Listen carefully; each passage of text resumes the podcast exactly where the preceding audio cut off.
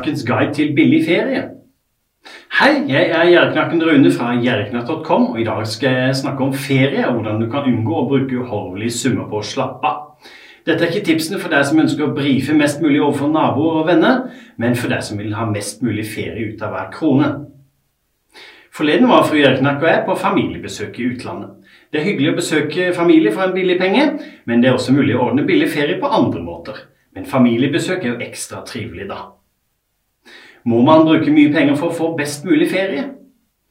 Mange mennesker føler at de må bruke en masse penger for å feriere godt nok, eller tilfredsstille masekoppen i familien, som gjerne vil oppleve fremmede strøk og sånt. For noe tullball, sier denne her knakken. Derfor vil jeg gjerne snakke om hvordan du og familien din kan feriere billig, så billig som mulig.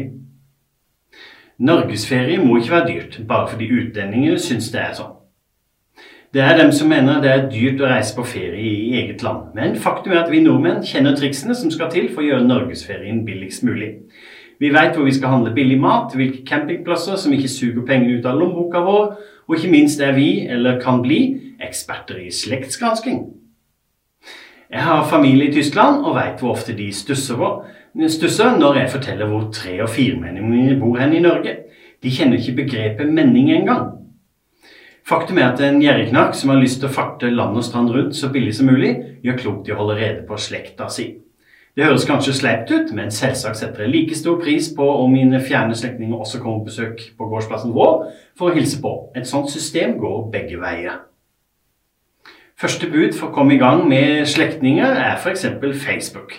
Og Det har jo mange fordeler å holde kontakten med slekta si, ikke bare for å få gratis overnatting og kaffe og kake, og så er det jo beint ut hyggelig, trivelig og koselig å møtes iblant, ikke sant? Ferie som i gode gamle dager er enkelt, men herlig. Dersom du ikke planlegger å legge ferien etter hvor i landet familien bor, er det kjekkest å finne tilbake til gode gamle dager. Skal du planlegge sommerferien og ha små barn, er det vel ikke nødvendig å booke hotellrom og dyre hytter for å oppleve noe. Hva med å finne fram teltet som ligger godt gjemt på loftet?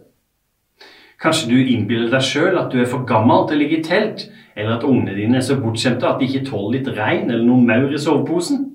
Tenk over om det er du sjøl som egentlig er litt bortskjemt. Følger du med i media, så vet du at det formidles et inntrykk av at folk flest har hytte ved sjøen og på fjellet, men sånn har neppe de fleste av oss det. Iallfall ser jeg nok av folk i påska, i vinter- eller sommerferien som ikke har sånne rikdommer, men det passer liksom best å generalisere alle nordmenn reiser på hytta i vinterferien, og alle nordmenn ligger på et svaberg utenfor hytta si på sørlandskysten om sommeren. Pø, sier jeg. Fra gammelt av husker du kanskje somrene hvor teltet ble slått opp i hagen, på nabogården eller i skauen i lia overfor huset ditt. Var ikke det spennende tider, kanskje? Tror du virkelig ungene dine krever tur til Thailand for å få litt spenning i sin travle barnehverdag? Det enkle er ofte det beste. La oss ta f.eks. fjellturer med overnatting. Ingenting er så billig som å bruke beina, uansett hvor du er. Norge har vakker og stolsk, eh, stoisk heter det, natur som utlendingene betaler det hvite ut av øyet for å få lov til å oppleve. Gåturer i fjellheimen er topp og gir deg avslapping og lading av batteriene med en eneste gang. Turistforeningen har en rekke hytter til utleie som du kan benytte til svært lave kostnader. Gå fra hytte til hytte og opplev den fantastiske naturen som Norge har. Statskog har forresten en rekke enkelhytter og koier som du kan låne helt gratis eller veldig rimelig, så det bør du sjekke ut. Billige alternativer til hotellovernatting. Har du lyst til å oppleve byer eller kanskje andre land og mennesker og ikke kreve hotelluksus, er sofasurfing, couchsurfing, et glimrende alternativ. På den måten kommer du lett i kontakt med andre, så dette er absolutt noe for dem som er sosiale og vil ha kontakt med andre. Jeg sjøl har ikke prøvd det der, men jeg har hørt mye positivt om det. Sjekk ut f.eks.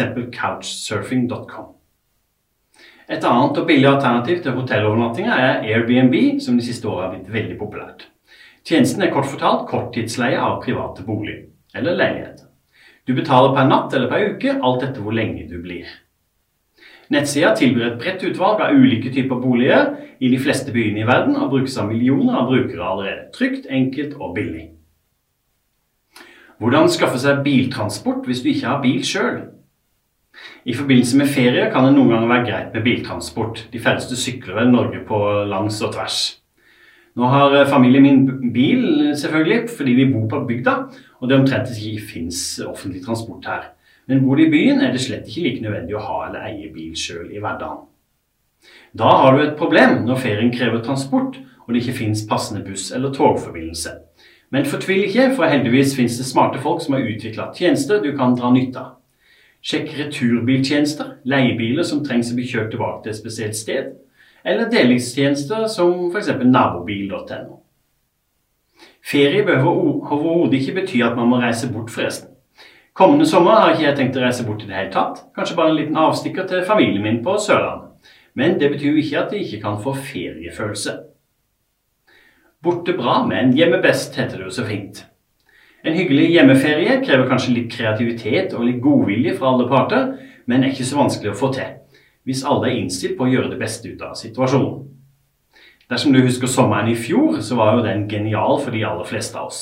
Kanskje det blir like bra i år, eller kanskje nesten i hvert fall. Da er det vel liten vits i å reise bort.